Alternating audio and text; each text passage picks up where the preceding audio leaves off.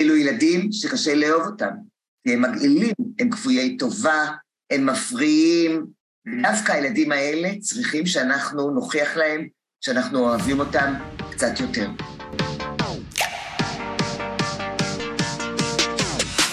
יש מצב עם דוקטור ליאור צורף.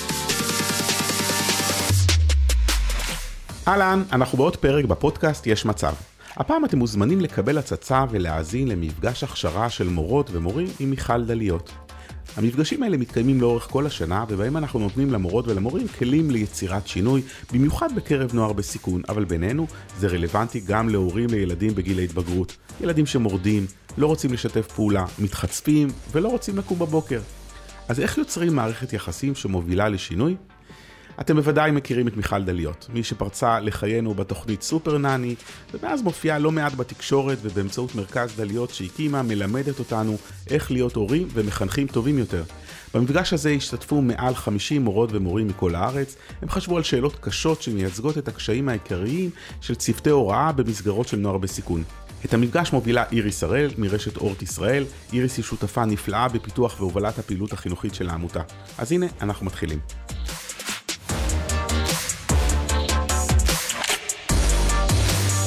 טוב, שלום לכולם, ואנחנו נתחיל עם השאלה הראשונה, תלמיד בכיתה י', חסר מוטיבציה להיכנס לשיעורים וללמוד, לא יודע להעיד על עצמו דברים חיוביים. איך את מציעה לעבוד איתו ולעזור לו כאשר אין לו עניין בכלום כרגע? אני רוצה רגע להתחיל במשהו שלא רק מאמינה בו, אלא גם חושבת. לא כל אחד יכול להצליח ואני נגד ה politically correct הזה. זה כמו שהורים אומרים לילדים, אתה יכול להגיע לכל מקום, את יכולה להיות כל מה שאת רוצה. שקר, לא נכון. אנחנו לא יכולים להגיע לכל מקום, אנחנו לא יכולים להיות כל מה שאנחנו רוצים. מי שיש לה דיסקלקוליה לא תצליח במתמטיקה, ומי שיש לו, ומי שלא רואה טוב ואסור לעשות ניתוח לייזר, לא יוכל להסתובב בלי משקפיים, ומי שגדל בתנאים מסוימים תמיד יהיה חרד, ולכן לא יצטרך להתגבר על דברים.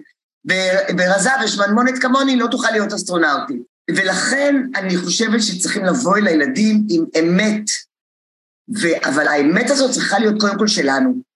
אנחנו צריכות להאמין שאנחנו יכולות לעזור, שיש פוטנציאל. אתם יודעים, הרבה פעמים אומרים לילדים, או, יש לה, אה, יש לה פוטנציאל, חבל שהיא לא ממצה אותו.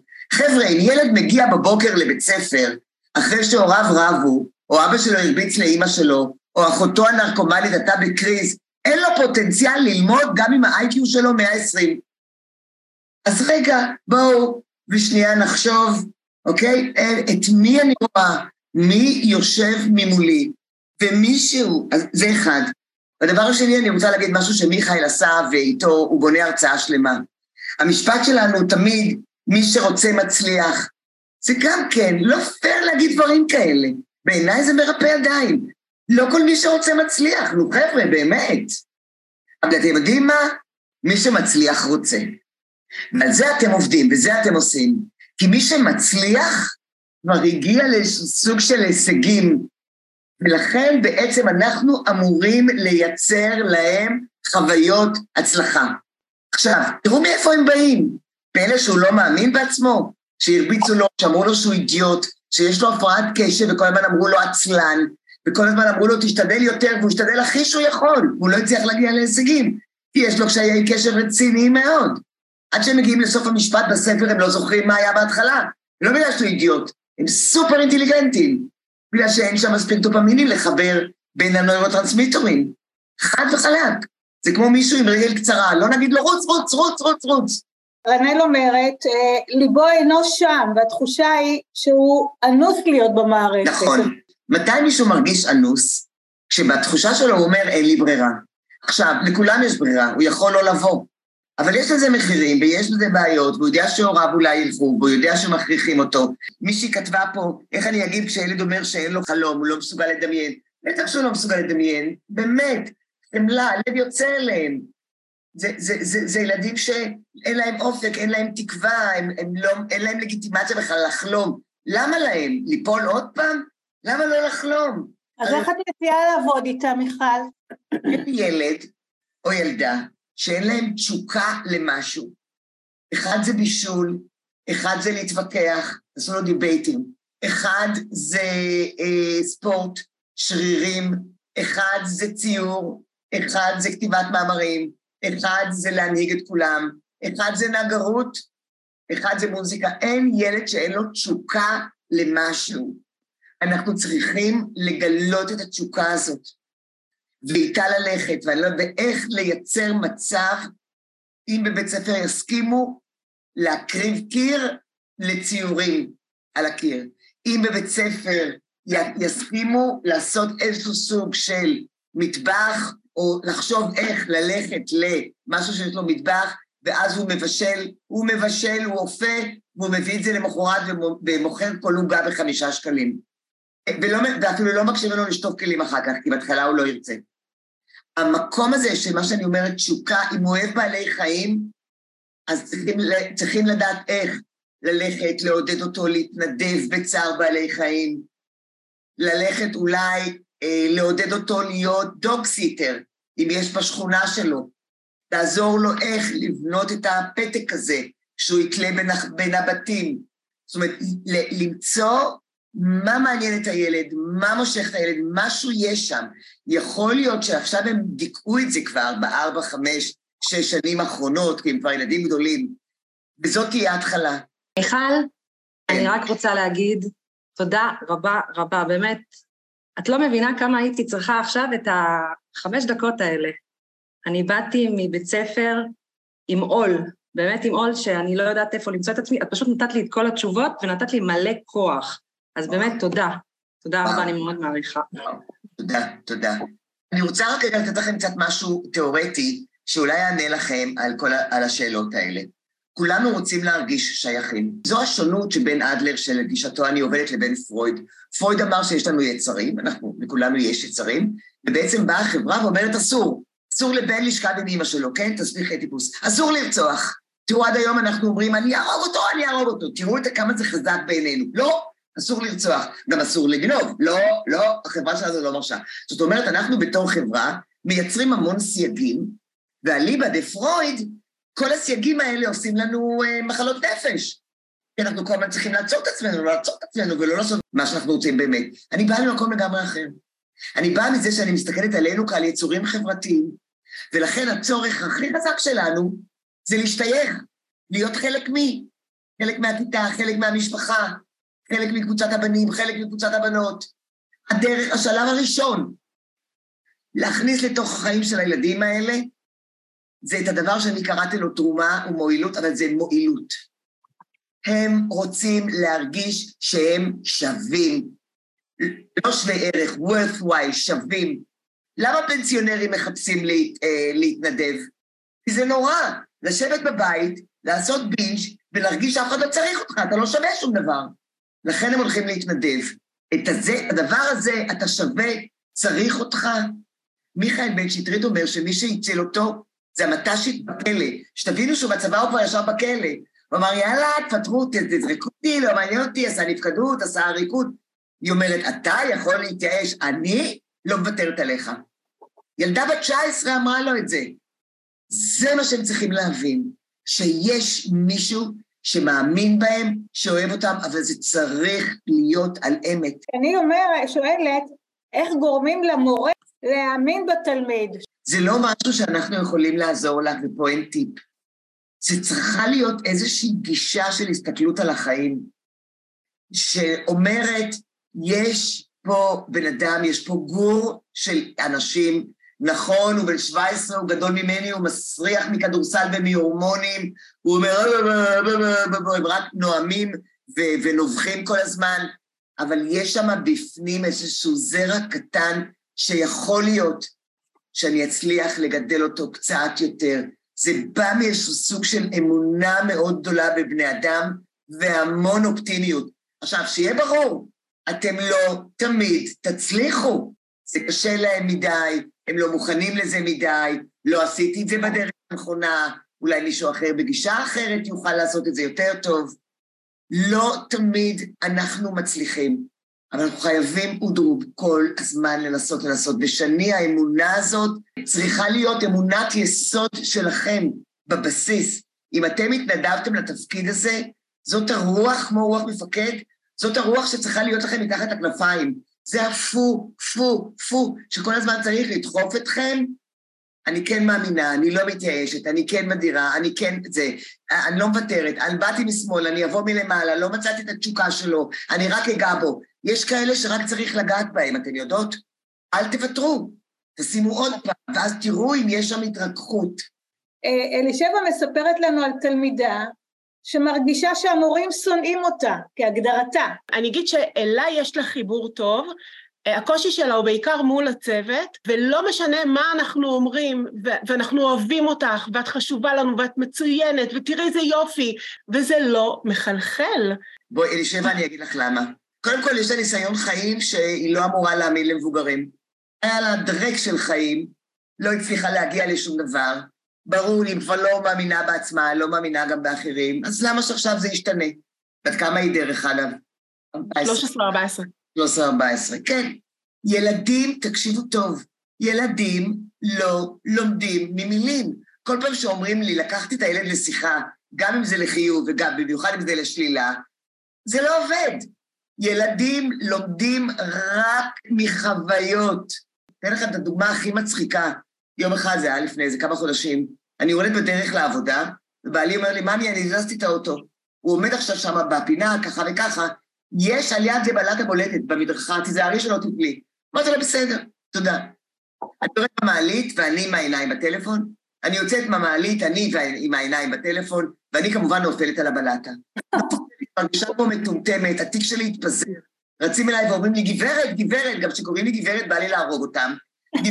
כל הברך שלי משופשפת, מכניסה את הדברים חזרה לתיק, מתיישבת ונוסעת למשרד.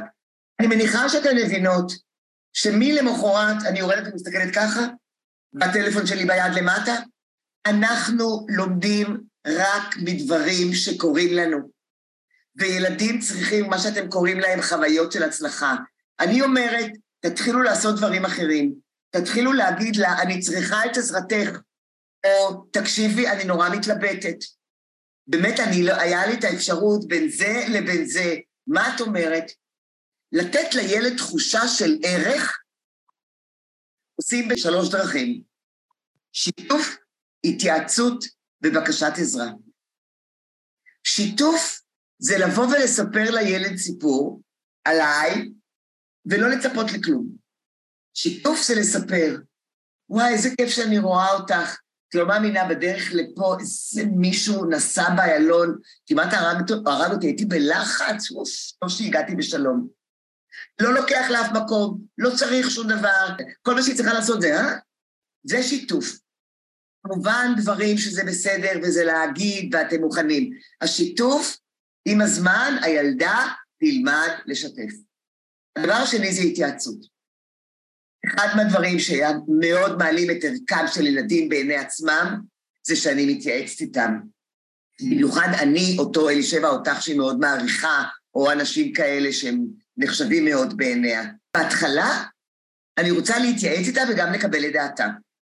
ולכן, אני אתן לה להחליט, בוא נגיד, בין שני דברים שמקובלים עליי.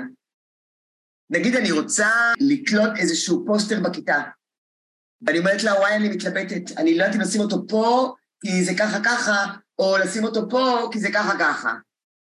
ואם היא תגיד, לא, שימי שם. אני אומרת, לא, לא, שנייה, זה או פה או פה. אתם מבינים את הקטע? נתתי לה חופש בחירה, ואז היא תגיד, פה זה הכי טוב. תגידי לה, מצוין, תודה רבה, וואו, התלבטתי, לא ידעתי מה להחליט. זהו. והדבר השלישי זה אה, בקשת עזרה. כשאנחנו מבקשות עזרה, עם, במיוחד עם ילדים כאלה שמאוד קשה להם, שאין להם תחושת ערך, יש סיכוי שנקבל לא. אפילו קטן כמו, יאבי, אתה מוכן לסחוב איתי את, את הכיסאות לכיתה? יכול להיות שהוא ילך כאילו הוא לא שמע. אין דבר, אין דבר, לא לעשות מזה עניין. לדעת שזה מה שקורה בהתחלה. ככל שאני אמשיך לבקש עזרה, ואז גם עזרה בדברים יותר קטנים, אתה יכול לסחוב לי את התיק, או אה, אה, אפילו בוא, אני צריכה את עזרתך, ואז ללכת, שתיתן לי איזושהי עצה טובה. אפשר גם לשם להוביל את זה. זאת אומרת, לתת להם, ושוב, זה יוצר מצבים, זה לא שאני אומרת לך, תקשיבי, אני נורא סומכת עלייך, את בחורה מאוד חכמה. לא, אני רוצה לקיים את זה, לעשות את זה. עכשיו, אם מותר לכם לשים יד על הכתף, או לעשות תנועה כזאת של כאילו של חיבוק, או סליחה על הגב, אם מותר לכם, לגעת, לחייך, לקרוץ, זה כזו מין קריצה עם ילד או ילדה, זה קצת כמו כריתת ברית. אני פשוט רוצה להכניס למעשים את הדברים שאנחנו בדרך כלל רק אומרים להם. ילד, לא, במיוחד הילדים האלה, שיש להם ניסיון חיים אה, אה, מאכזב, לא תלמד בדיבורים. אה, אצלי הבעיה אה, היא להביא אותם בבוקר לבית הספר. ההורים לא מצליחים להזיז אותם מהמיטה, הילדים אה, לא קמים בבוקר לבית ספר, ובעיה, יום לימודים מתחיל בשעה מסוימת, ואני מוצאת את עצמי בכיתה, האמת, בדרך כלל עם עצמי, אני, אנוכי ועצמי. ילדים לא קמים לבית ספר, אם היה להם שם אבא שהיה הורג אותם מכות רצח, אולי הם היו הולכים. אבל אין לנו את זה. ככה הילדים הלכו פעם לבית ספר. ואם פחדו מההורים שלהם. אין לנו את זה היום, תודה לאל ותודה רבה שאין לנו את זה היום, באמת. ואין היום איזושהי דרך לגרום לילדים לשתף פעולה. ומאידך, הם גם באים לבית ספר שמבחינתם מסמן להם שדה של אכזבות וחוסר הצלחות. למה שהם ירצו לקום וללכת לשם? אתם יודעים מה, אני אקח את זה רגע לילד קטן. ילדים, ילד בן חמש, ילד בן שש, תסדר את החדר, מאחת משתי סיבות. או שהוא מפחד מאמא שלו ואבא שלו, עכשיו, ממה הוא מפחד? הוא מפחד שיקחו לו את הצעצועים, הוא מפחד שיקחו לו את הטלפון, נכון? אז מה, איך הוא מסדר? או שזה שווה לו, כי כשהוא מסדר את החדר, אמא שלו נורא שמחה, והיא אוהבת אותו, והיא מספרת לו שני סיפורים, והיא מתגאה לסבתא, והיא נותנת לו ממתק. סתם אני ממציאה. זה מה שגורם לילדים לשתף איתנו פעולה. ואז זה הופך כבר למשהו אוטומטי. עכשיו, הילד הזה, אנחנו צריכים לייצר לו, ואתם הרבה פעמים מדברים על מוטיבציה, אבל באמת תחשבו, למה ש... איזה סיבות יש לו להתעורר בבוקר? אין לו. רע לו בבית ורע לו בבית ספר. עכשיו, חלק מהילדים, כדי להביא אותם לבית הספר, מספיק שאם יש שם דמות סמכות, עכשיו, זה כשיש לך כיתה של חמישה כאלה, לימור, מולך, כמה יש לך כאלה? חמישה, שישה? לא, אז זהו, שהכיתה שלי זה כיתת אומץ והיא מונה עשרים תלמידים. צריכים להבין, הם לא עושים את זה נגדנו, הם עושים את זה באדם. זה לא כי הם נהנים להעליב אותנו ולהוציא אותנו מדעתנו, אלא כשאנחנו נעלבות או יוצאות מדעתנו, הם מרגישים חזקים. לכן זה לא נגדנו, זה באדם. אני חושבת אולי, אם זה אפשרי, אם הם אוהבים אותך, מעריכים אותך, מכבדים אותך. כן. כל יום תהיי אצל ילד אחר בשבע וחצי ליד המיטה. אז אולי זה מתכתב עם השאלה הבאה. אה, שואלת שמרית, איפה עובר הגבול בין הכלה והבנה לבין הגבולות שאנחנו חייבים לשים? אני זוכרת פעם הייתי באיזושהי הרצאה, בואו נצחיק אתכם קצת, כי זו כזאת הרצאה רצינית. הייתי פעם באיזושהי הרצאה של הורים של ילדים צעירים, ודיברתי להם על גבולות. נתתי דוגמאות וגבולות ואיך מגבילים, עושים גבולות, ואז צועקת לי אימא מהאולם, אז איך אני גורמת לילד בן שלוש וחצי לא לרדת מהמיטה? אמרתי לה, תקשרי אותו. אנחנו יכולים לגרום לילד בן שלוש וחצי לא לרדת מהמיטה? כמה פעמים אמרתם, אתה לא תתחצף אליי, ועוד לא הורדתם את האצבע והוא מתחצף? הפה שלהם ברשותם והידיים שלהם ברשותם והידיים והרגליים שלהם ברשותם, ואם אני אומרת לו שב, והוא לא ירצה לשתף איתי פעולה, הוא לא יישב. ופה העבודה הקשה שלנו. העבודה הקשה שלנו יושבת בעצם על מערכת יחסים. האם הילד ירצה לשתף איתי פעולה ולהיענות לי? ולכן, אם אני אבוא ואני אגיד לו, עידו, אני צריך את עזרתך. אתה בין הבודדים שמסתכל לי בעיניים ומבין למה אני זקוק. ולכן כשאני מבקש לשבת, תהיה בבקשה בין ארבעת הילדים שיושבים, יעזור לי. חושב שתצליח לשתף איתי פעולה בעניין הזה? יפה. מאור שואל, הוא אומר, אשמח לקבל טיק, טיפים לניהול שיחה אישית עם תלמיד שחווה אכזבות חוזרות מבחינה לימודית ורוב התעודה שלו הם שליליים. אך איך בכל זאת לעודד אותו לא לוותר על הלמידה וההגעה לבית הספר? אה, אנחנו יודעים היום שאם אנחנו רוצים לחזק ילדים חלשים, אנחנו צריכים להתחיל בחיזוק החוזקות שלהם. ילד שמתקשה במתמטיקה או באנגלית, אבל נורא אוהב אה, את השיעורי כימיה, כי שם עושים הר געש ומתפוצצים ומנתחים צפרדעים, או שהוא חזק מאוד בתוכנות במחשב, או שהוא אה, טוב בציור, או שהוא טוב בספורט, אנחנו נתחיל עם מה שהוא חזק בו, ולהגיד לו, וואי, אתה יכול, וואי, איך הצלחת. שם אני יכולה להוכיח לו את היכולות שלו, ולהשתמש במילים, לא כל הכבוד, כל הכבוד זה אחת מהמילים הכי ריקות שישנן, אלא איך השתדלת, איך התאמצת, וואו, אני ראיתי אותך נכשל, אבל ראיתי אותך קם, ווואו, איזה עוצמות צריך בשביל זה, רוץ, רוץ, אתה יכול. זה המקום של העידוד. עידוד, זאת החוכמה. עידוד צריך לתת לנכשלים, לא, לא למצליחים. המצליח מעודד מעצם ההצלחה. שיגיד לו כמה שהוא נהדר, אבל את מי צריך לעודד? לעודד את הנכשלים. עכשיו, הוא לא הצליח, אז במה אני אעודד אותו? בניסיון, בהשתדלות, בכוונה, בזה שהוא לא מוותר, בצעדים הקטנים. על זה מעודדים נכשלים. בסדר, תודה רבה. אז בינתיים גם לומר למיכל דליות שממש כל uh, מילה פנינה ואוצרות uh, טובים וחשובים.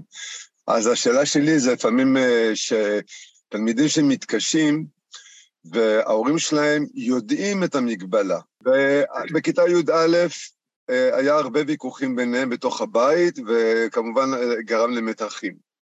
אז עכשיו בי"ב הם לא רוצים, לא רוצים להיכנס לפינות האלה. השאלה אם הם מרימים ידיים ואומרים לילד, לבן שלהם, בסדר, מה שאתה תזרום, אה, איך שאתה, מה שאתה וזהו, זה מתוך, מין, מתוך ייאוש. השאלה אם זה נכון, או שבכל זאת צריך שההורים יעשו משהו מעבר. מה שאתה עושה זה מאוד נכון, אני אשים את זה רק במילים קצת אחרות. זה משהו שאני קוראת לו לא להילחם ולא להיכנע.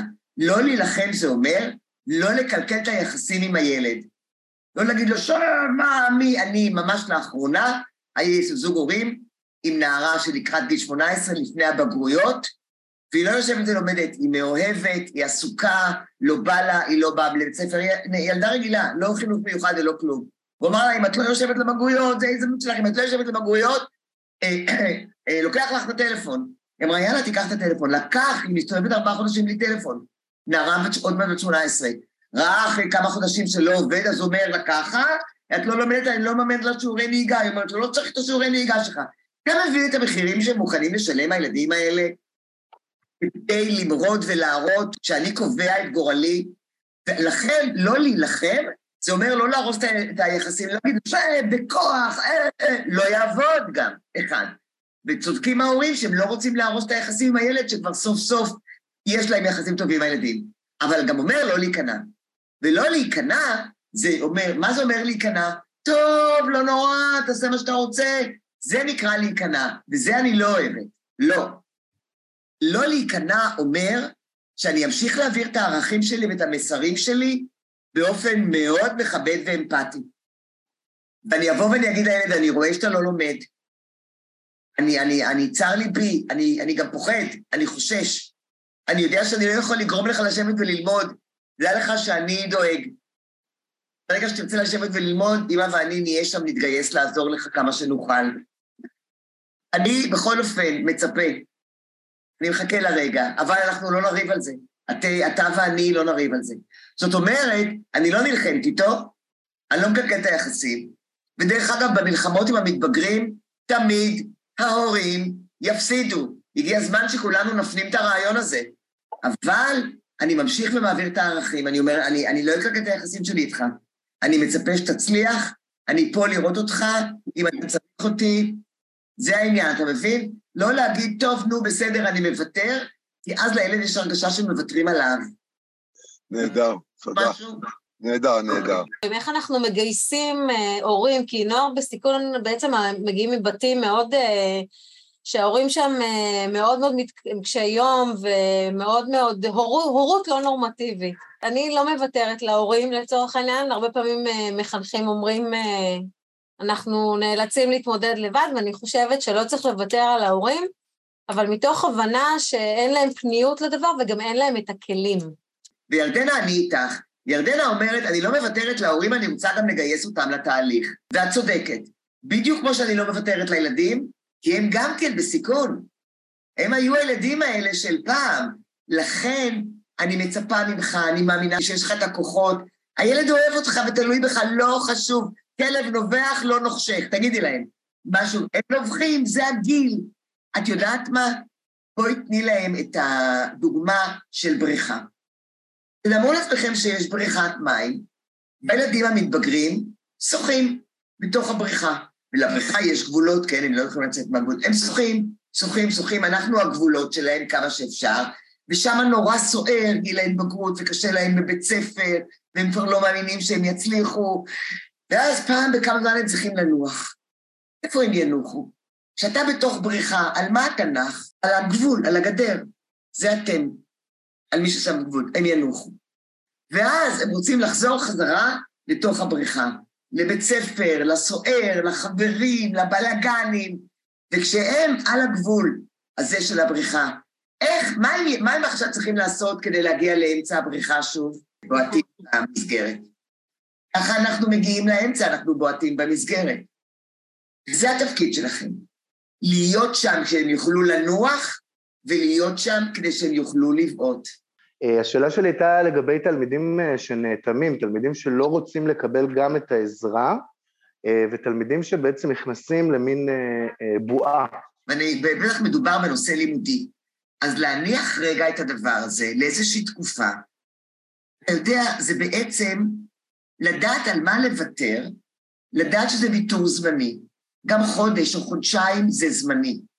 נכון, אם אנחנו מתחילים את זה במאי, אז בלבלנו את כל השנה.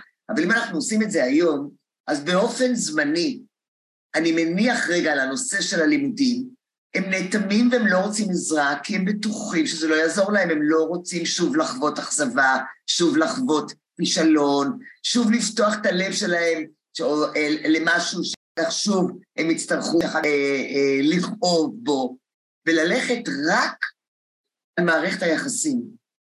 כדי לרכוש את אמונם על שיתוף, על התייעצות, על בקשת עזרה, על עיסוק רק בחוזקות שלהם, רק בתשוקה שלהם.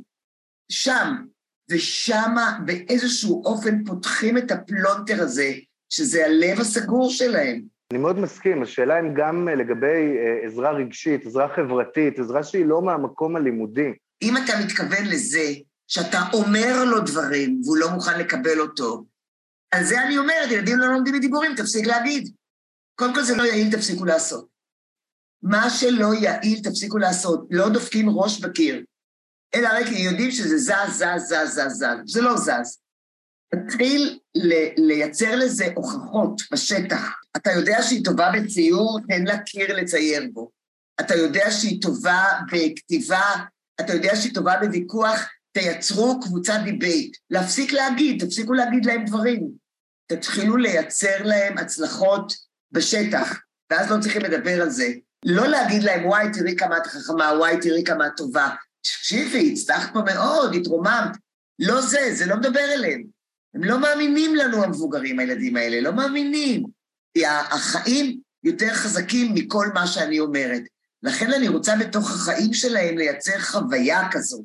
השאלה שלי היא על uh, תלמידים שעשינו איתם דרך, ומתפקדים נפלא, ואז הם עושים משהו שהם לא צריכים לעשות. הם מאחרים נורא לאיזשהו שיעור שביקשת שהם יבואו בזמן, או הם נורא מפריעים ואתה מבקש מהם אה, לא להפריע. דנה, אה, רותי, אני אפסיק אותך, כי גם דנה רוצה לשאול ואני אתן לך תשובה.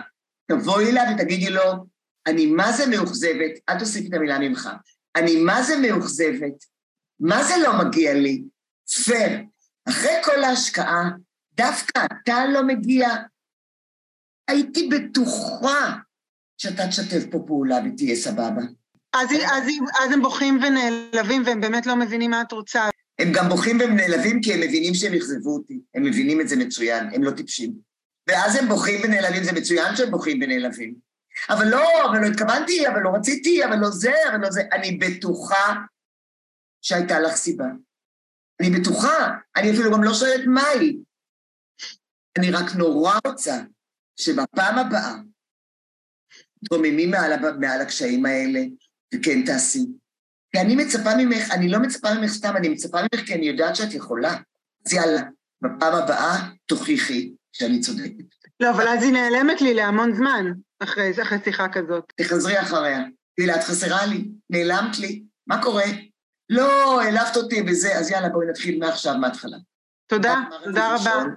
אני רציתי אה, לשאול על אה, תופעה שאני נתקלת בה הרבה לאחרונה מכל מיני אה, גילאים, שזה חרדה מבית ספר. ממש ילדים שיש להם חרדה, מפתחים אותה פתאום, ולא רוצים להגיע לבית ספר. גם ביסודי וגם בתיכון, אני פשוט נתקלת בזה עוד ועוד לאחרונה.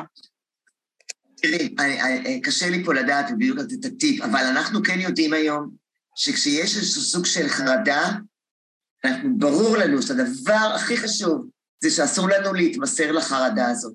בשום פנים ואופן. ילד שחרד ממשהו, לא, ההימנעות מהדבר הזה רק מגבירה את החרדה. כמו כדור שלג. זאת אומרת, כן צריך פה איזשהו סוג של, בכלל, אסור להתמסר לקושי של ילד. אוי, כן, מסכן, זה הכי גרוע שיכול להיות. צריך עם המון אמפתיה, וצריך פה טיפול. צריך פה להבין מה קורה ולהתחיל לייצר, ממש לבנות, אה, לבנות אה, פורטפוליו, לבנות אה, תהליך שבו אנחנו מצליחים ומביאים אותו. עד השער עם הרבה, אולי עם שוחד, אולי עם פיתויים, אולי עם כל מיני דברים, אבל צריך להתגבר על הדבר הזה, כי אחרת זה כדור שלג ענק, ענק, שעלול בסוף גם להביא לאשפוזים ולכדורים, אני לא צוחקת, אני אומרת לך ברצינות. אבל הילד הזה צריך להגיע לבית ספר, הוא צריך להתגבר על החרדה, ולא שאנחנו נתמסר לחרדה שלו. תודה, מיכל. אה, איריס, אני רוצה להגיד משהו. הילדים המסוימים האלה, מה שהם צריכים זה שנאהב אותם קצת יותר. עכשיו, אלו ילדים שקשה לאהוב אותם, כי הם מגעילים, הם כפויי טובה, הם נובחים, הם חוצפנים, הם מעליבים, הם מפריעים, דווקא הילדים האלה צריכים שאנחנו נוכיח להם שאנחנו אוהבים אותם קצת יותר. מקסים. ואני אגיד לכם, לפעמים יכול להיות שעבור הילדים האלה, אתם זה הישורת האחרונה, אתם זה ה game changer. רק אתם. ואני מאחלת לכם להיות כאלה. תודה, המון המון תודה. תודה רבה לכולם, להתראות. תודה, תודה. תודה על ההזדמנות, ליאור.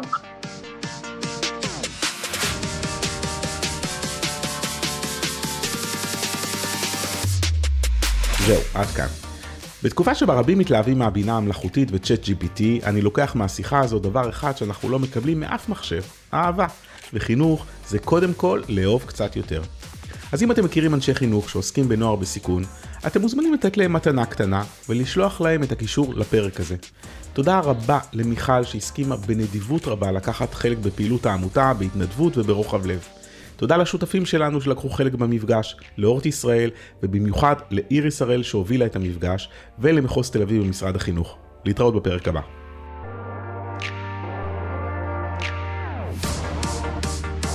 יש מצב עם דוקטור ליאור צורף.